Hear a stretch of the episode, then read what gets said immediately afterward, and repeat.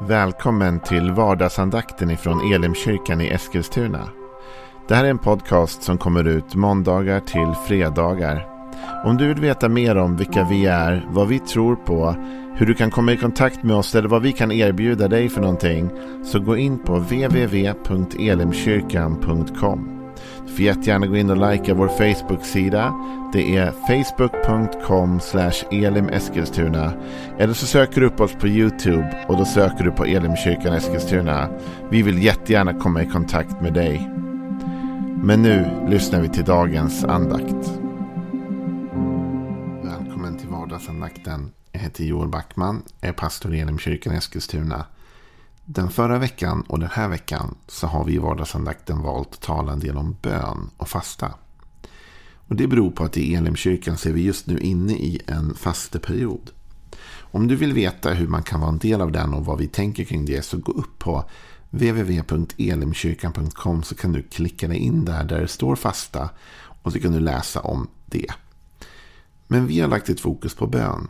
Och förra veckan så talade vi om dels vad Jesus svarade när hans lärjungar kom och sa hjälp oss och be, lär oss och be. Vi har talat lite grann om vad Jesus sa om motivet bakom fasta och så vidare. Och idag så vill jag ta med dig till Jakobsbrevet för att finna en princip som jag tror är oerhört viktig och som ger oss en av nycklarna kring bönen och dess syfte. I Jakobsbrevet, det femte kapitlet och den sextonde versen så läser vi Bekänn därför era synder för varandra och be för varandra så att ni blir helade. Den rättfärdiges bön har stor kraft och verkan. Elia var en människa med samma natur som vi. Han bad en bön att det inte skulle regna och då regnade det inte över landet under tre år och sex månader. Sen bad han igen och då gav himlen regn och jorden bar sin gröda. Jag tänkte att vi skulle spendera idag och imorgon kring den här texten. Och det ena man kan fokusera på det är ju det självklara. Det är ju den här nästan superhjältelika berättelsen om Elia. Denna gudsman, profet i gamla testamentet som bad en bön om att himlen skulle upphöra att regna. Och det blev så under tre år och sex månader. Sen bad han igen och då började det regna. Det här gjorde han i protest emot det Eh, kan man säga, gudlösa ledarskapet i det landet. Och eh, det är otroligt hur man kan be en sån bön och hur man kan få ett sånt bönesvar. Och då blir ju tanken om den rättfärdiges bön och hur stor kraft och påverkan den faktiskt har såklart en huvudpoäng här. Ändå är det inte det jag vill fokusera på idag. Jag tänkte att vi kommer dit imorgon. Men jag vill fokusera på den första meningen. Bekänn därför era synder för varandra och be för varandra så att ni blir helade. Man kan lätt bli lite lurad för sen står det i den rättfärdiges bön har stor kraft och verkan. Och den som har läst Bibeln eh, i gamla översättningar och andra översättningar vet att det ibland står en rättfärdig mans bön har stor kraft och verkan. Och då kan man ju lätt få tanken att det här fixar man själv. Ensam är stark och vi kan liksom bära med oss den här individualistiska tanken in i vår tro. Men så är det inte. Det är visserligen sant att en människas bön till Gud har kraft och att en enskild människas bön till Gud kan utföra stor verkan. Det är också sant. Men man får ändå inte koppla bort det ifrån att den här texten börjar med att vi behöver varandra. Bekänn därför era synder för varandra och be för varandra så att ni blir helade. Bön, det är ju en kommunikation. Det är ju när vi ber till Gud, pratar med honom och han får också en chans att prata med oss. Det är när vi får uttrycka önskningar till honom och han också i sin tur gensvarar då på det vi ger uttryck för. Här talas det om två typer av kommunikation mellan oss som troende. Det första är bekännelsen. Bekänn därför era synder för varandra och be för varandra så att ni blir helade. Det behöver inte alltid vara att man ringer någon och berättar om allt det dumma man har gjort. Det kanske man ska ta försiktigt och åtminstone bara göra med folk som man har ett riktigt djupt förtroende för. Men jag tänker mig att i den tid vi lever i så lever vi med väldigt mycket fasader och masker. Vi lever liksom inte äkta på något sätt. Och här uppmuntrar ändå Jakob oss att leva äkta. Bekänn era synder för varandra. Det innebär inte att vi ska gå basunera ut alla våra svagheter inför omvärlden och för alla människor. Och du ska inte berätta allt för alla. Det blir inte bra varken för dig eller för dem eller för någon. Men det kan också vara så att det finns människor med vilka du bygger upp ett förtroende. Att det finns kristna bröder och systrar som du känner med de här människorna kan jag faktiskt dela lite av vad som pågår i mitt hjärta. Och eh, det kommer hjälpa dig. Du kommer må bättre av det. Och det kan leda fram till detta. Be för varandra så att ni blir helade. Den texten kommer faktiskt innan vi börjar tala om Elia och hans oerhörda bön. Så kommer uppmuntran om äkthet gentemot varandra och bön för varandra. Det är oerhört starkt att ha människor som ber för en. Det är någonting som du och jag måste odla i vårt liv faktiskt. Äkta goda relationer som kan leda fram till en genuin förbön för varandra. Ensam är inte stark i Guds rike, utan vi är beroende av varandra.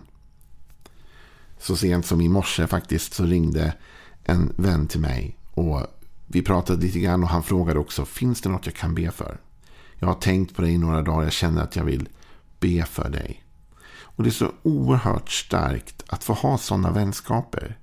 Där det blir ett givande och tagande och där vi tillsammans bär upp varandra inför Gud. I hopp om att kunna vara till läkning för varandra. För du vet, alla människor är brustna.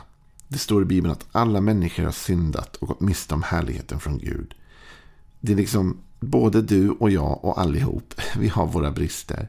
Och vi behöver förbön ibland finns ingen troende broder eller syster som är så stark i sin tro och som är så välsignad och som är så liksom rättfärdig att den inte behöver hjälp eller förbön.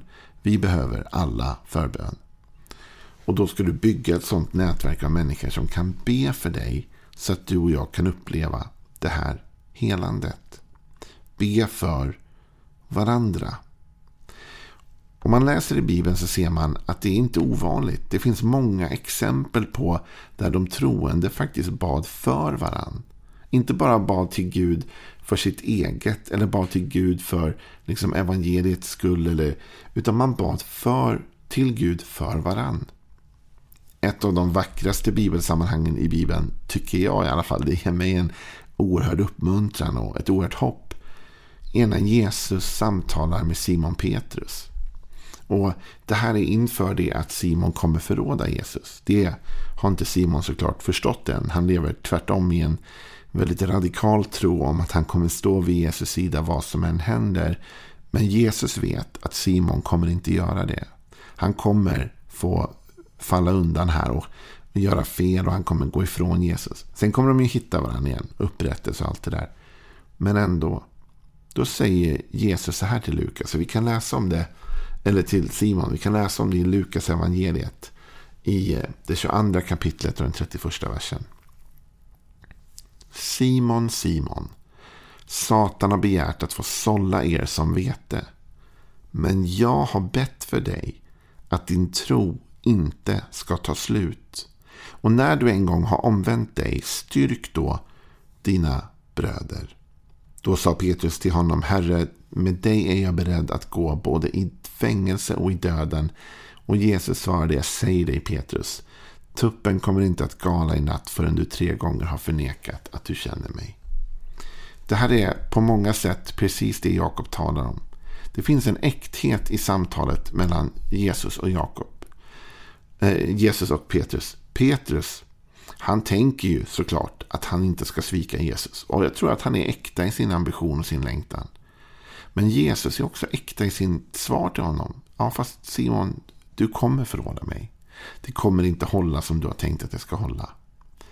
Men det börjar med detta att Jesus förklarar för Simon att djävulen, Satan, den onde själv har begärt att få sålla er som vete. Med andra ord, det kommer en prövning, Simon, över ditt liv.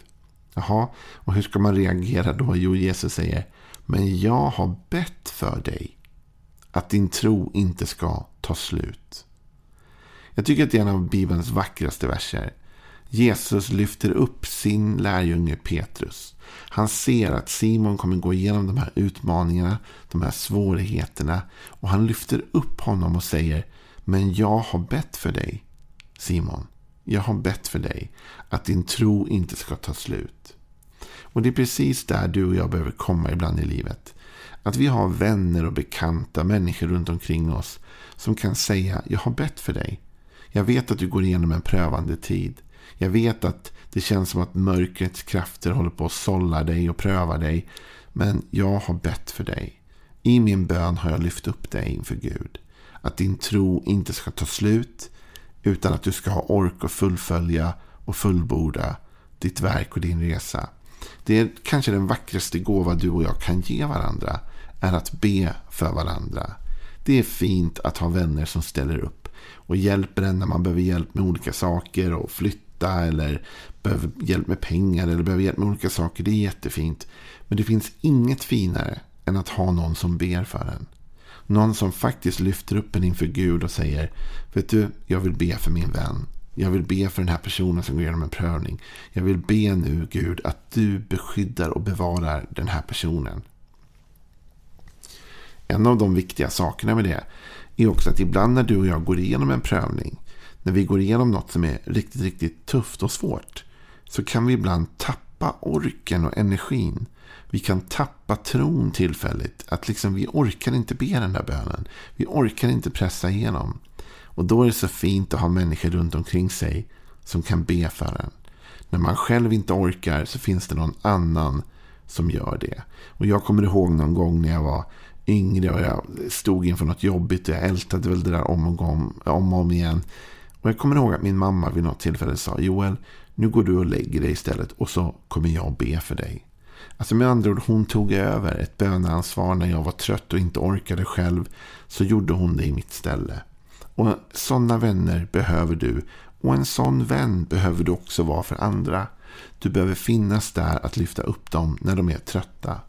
Faktum är att Jesus säger till Simon att jag har bett för dig att din tro inte ska gå eller inte ska ta slut. Och sen säger han, och när du en gång har omvänt dig, styrk då dina bröder. Så Jesus, han vet ju det han sen berättar för Simon att Simon kommer förråda honom och överge honom.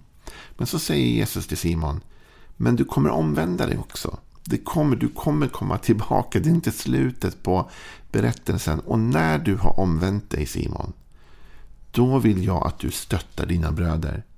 Då vill jag att du bär de andra runt omkring dig och ger dem stöd och kraft. Det finns en berättelse i Apostlagärningarna, det fjärde kapitlet. Där eh, Petrus och Johannes har varit uppe och eh, blivit förhörda av det stora rådet. De, är, det har blivit tumult för att de botade någon som var sjuk och så vidare. Och de släpas in inför det judiska rådet och de uppmuntras att inte tala om Jesus. Men det kommer de ju inte gå med på utan de står på sig. Men det är ändå en jobbig grej va. Och då läser vi i Apostlagärningarna 4 vad de gör när de släpps från detta råd. Apostlagärningarna 4.23. När de hade blivit frisläppta gick de till sina egna och berättade allt vad översteprästerna och de äldsta hade sagt till dem. När de hörde det ropade de tillsammans till Gud och bad. Och så står det nedtecknat den här bönen som de sen också bad. Men poängen är att när de har varit med om det här jobbiga, denna prövning, så söker de genast upp sina kristna bröder och systrar. Och nummer ett, de berättar för dem hur det ligger till. De bekänner, de är äkta, de är ärliga, de delar med sig av vad de har upplevt. Och sen så säger de också, eh, och sen då så börjar de be tillsammans. De börjar ropa tillsammans och de ber tillsammans. Och det är något starkt i detta. De, de tänker inte vi grejer detta själva. Det är inte så att Simon och Petrus, eller Petrus och Johannes menar bara säger ja, ja, men det här grejer vi, nu ber vi en bön och så kör vi på. Utan det här de har varit med om, som var en jobbig grej, det får dem att söka upp de andra och tillsammans be till Gud. Tillsammans bära inför Gud detta. Och faktum är att när de har bett den här långa fina bönen som du kan läsa om så slutar det med detta i vers 31. När de hade bett skakades platsen där de var samlade och de uppfylldes alla av den helige ande och förkunnade Guds ord med frimodighet. Alltså det blev en enorm kraftutgjutelse när de alla bad. Och jag tror på detta som Jakob skriver om i sitt brev. Jag tror att vi behöver bekänna våra synder för varandra och be för varandra så att vi blir helade. Jag tror på äkthet och jag tror på också ödmjukhet och insikten om att vi inte är så starka i oss själva. Bygg ett nätverk av vänner som ber för dig och var själv en av dem som ber för någon annan. Jesus bad för Simon. Du och jag, vi ber för varann. Så blir vi starkare tillsammans. Imorgon ska jag tala lite grann om ändå då den enskilda människans bön och möjligheter också. Men för idag vill jag bara säga det. Vi behöver be för varandra. Så hitta vänner som ber för dig och var själv en vän som ber för någon. Ha en välsignad dag så hörs vi imorgon igen. Hej då.